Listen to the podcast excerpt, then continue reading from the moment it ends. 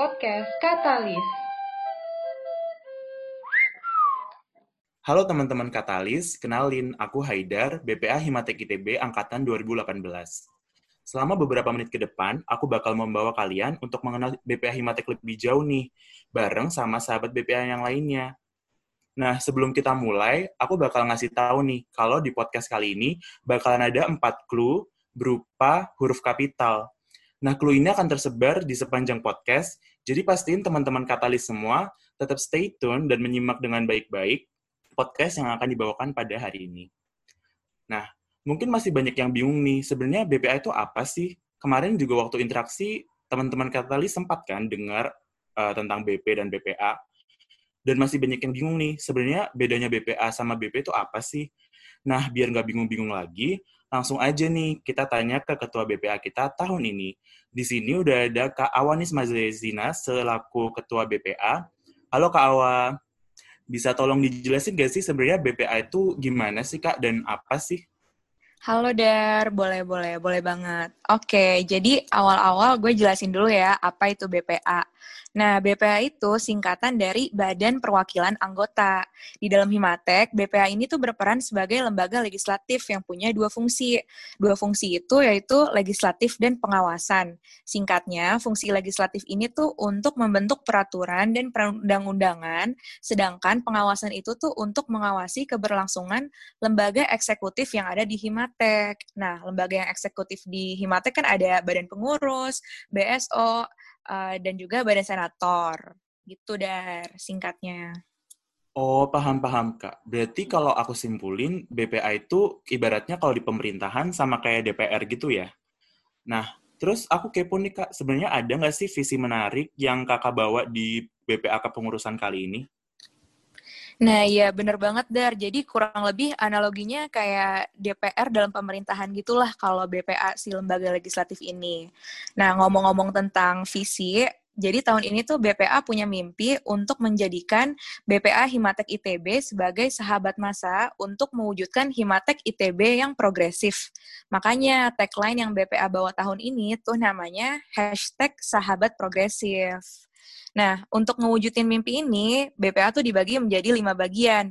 Ada sekretaris bendahara, komisi pengawasan, amandemen dan perbaikan sistem, aspirasi dan propaganda, dan yang terakhir media informasi.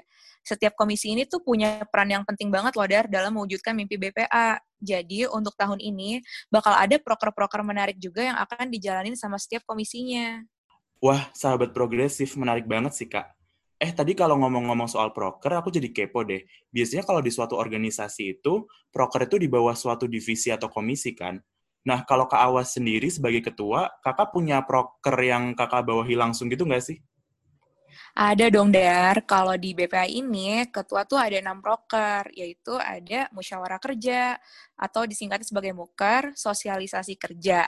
Nah, muker sama sosker ini tuh tujuannya untuk mensosialisasikan rencana kerja yang udah dirancang oleh setiap lembaga yang ada di Himatek, supaya akhirnya bisa disetujui oleh seluruh masa.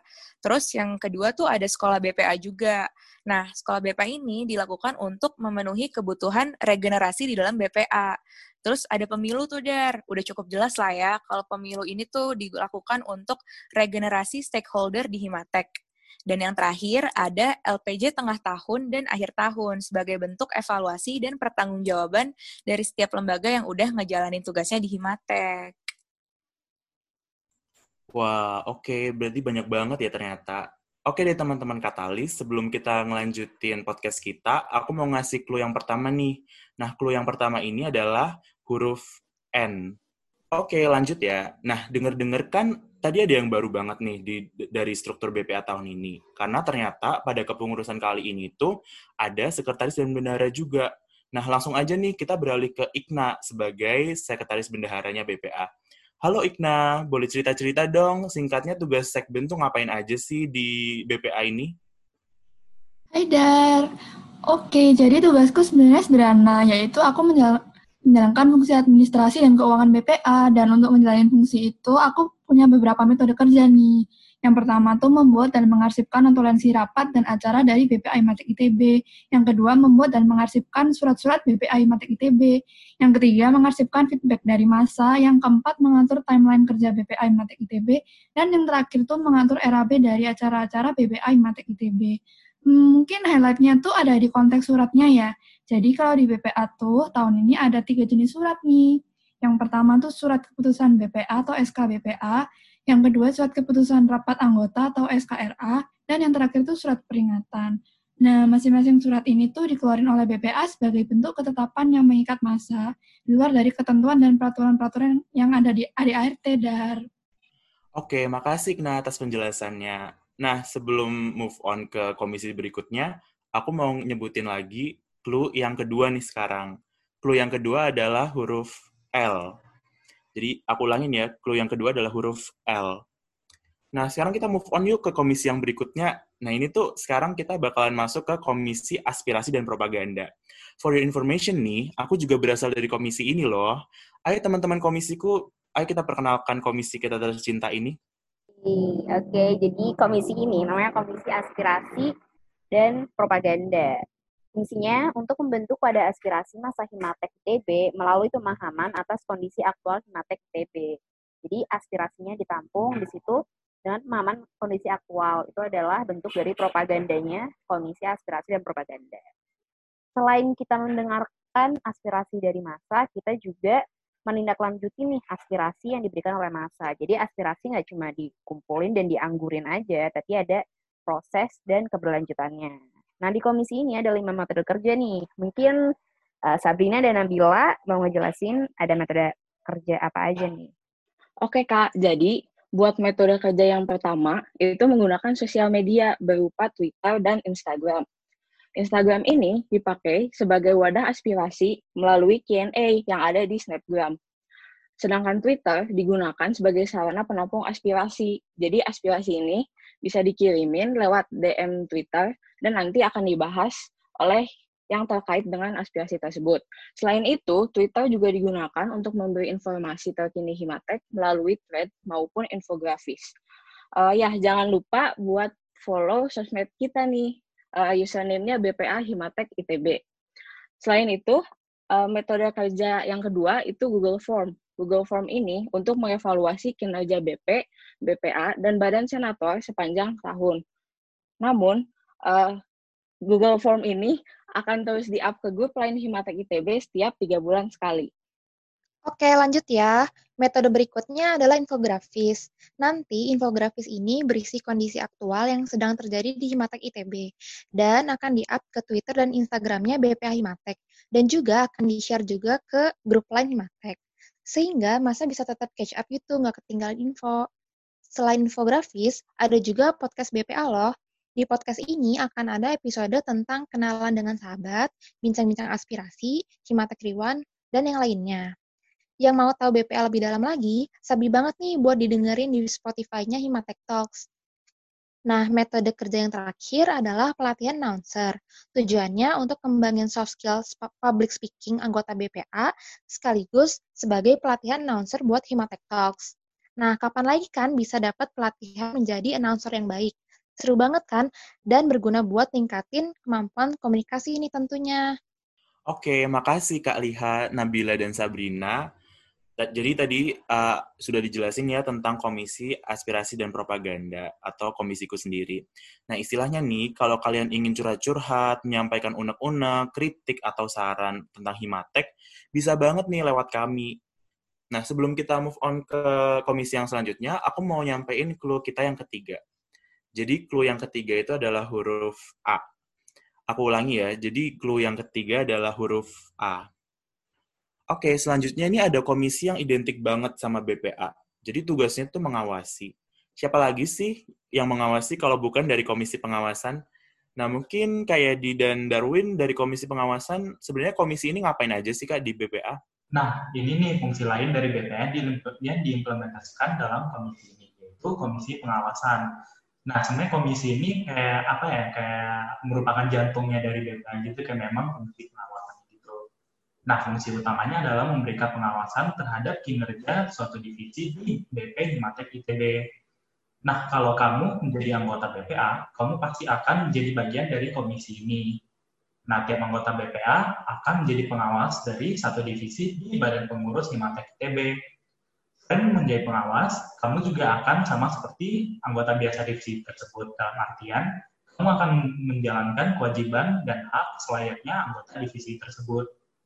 Nah, harapan dari pengawasan ini atau output dari pengawasan ini adalah adanya evaluasi keberjalanan badan pengurus yang dilakukan secara rutin dengan harapan terjadinya perbaikan terhadap kinerja badan pengurus serta performa BPA.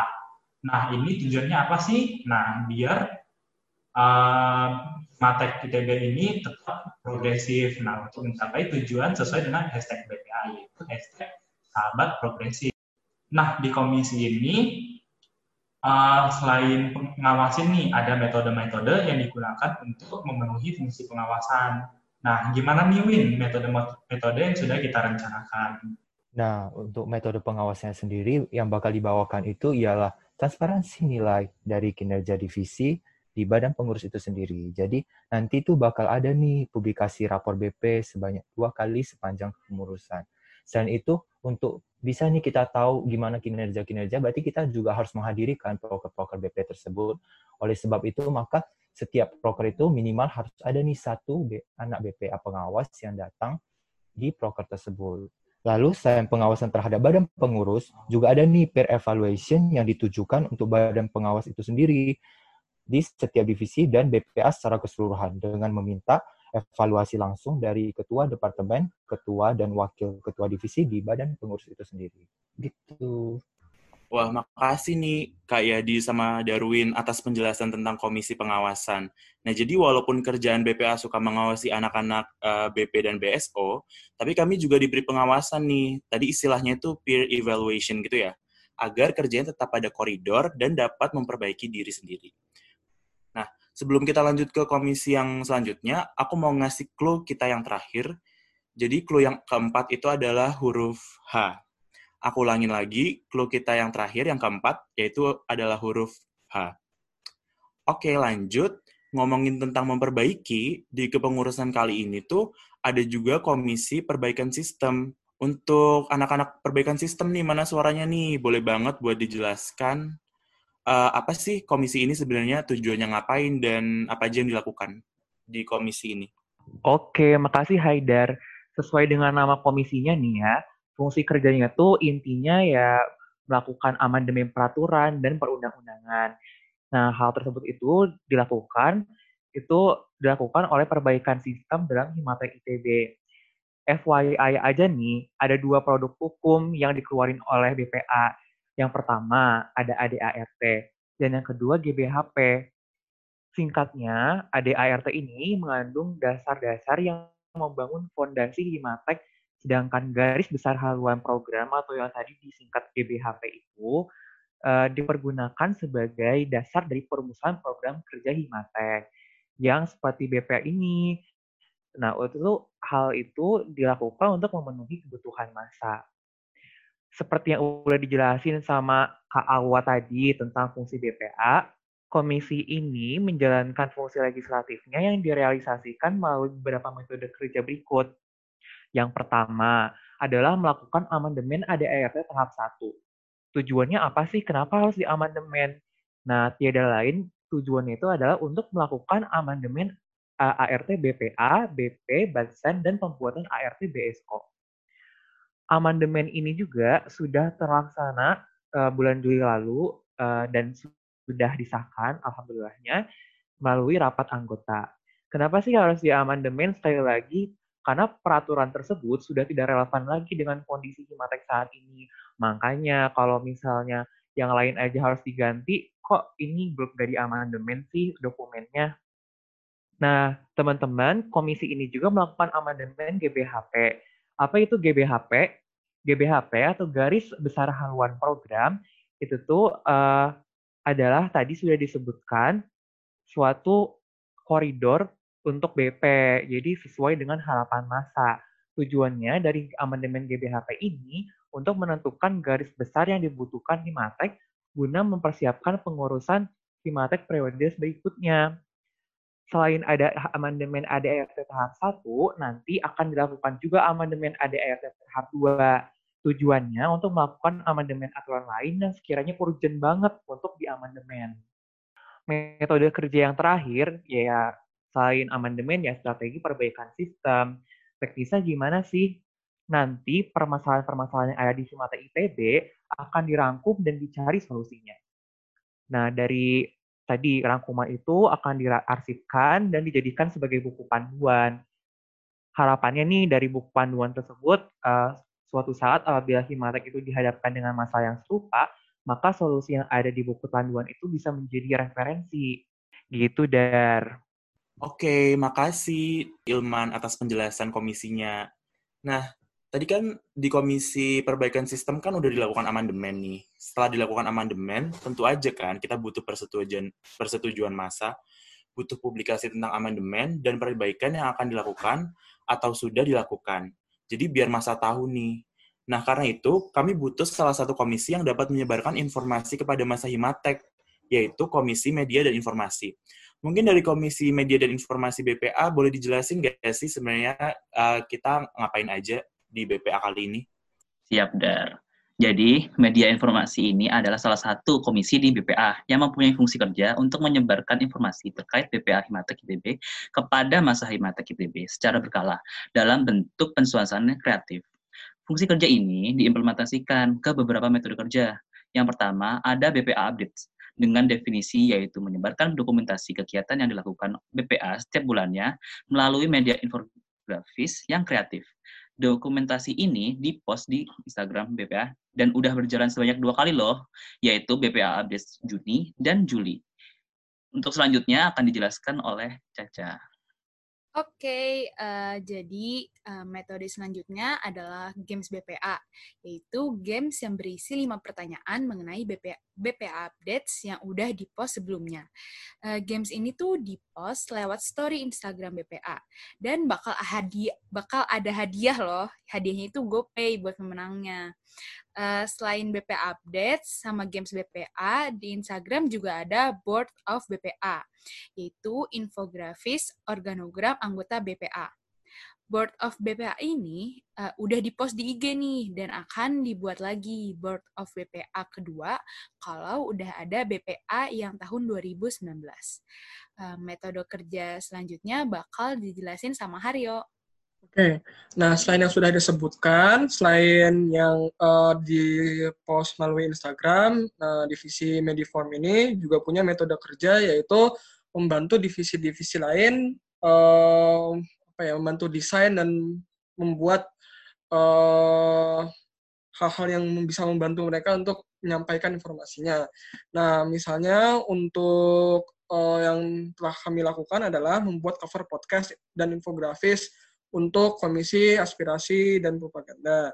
Nah, kemudian ada juga poster rapor bayangan dan poster rapor akhir BP untuk komisi pengawasan dan juga format buku amandemen yang berupa watermark, header dan footer dan berupa dokumen .docs untuk komisi amandemen juga. Nah, metode kerja terakhir untuk komisi uh, Mediform ini adalah memberikan pelatihan desain untuk anak-anak BPA. Oke, makasih Kak Lope, Kak Caca, dan Kak Haryo atas penjelasan dari Komisi Media dan Informasi. Nah, nggak kerasa nih teman-teman, kita udah ngobrol panjang lebar dari tadi tentang apa itu BPA, apa fungsi kerjanya, apa aja komisi yang ada di dalamnya, serta tujuan dan prokernya, dan lain sebagainya. Diharapin nih teman-teman katalis, biar udah nggak bingung lagi nih tentang apa itu BPA secara keseluruhan. Nah, teman-teman katalis yang interested nih, atau pengen tahu lebih lanjut tentang BPA, atau mungkin udah punya langkah konkret nih, pengen berkontribusi lebih untuk memajukan Himatek ITB menjadi lebih baik, sabi banget nih buat nantinya join kita jadi anggota BPA. Oh iya, sama mau promosi dikit boleh lah ya.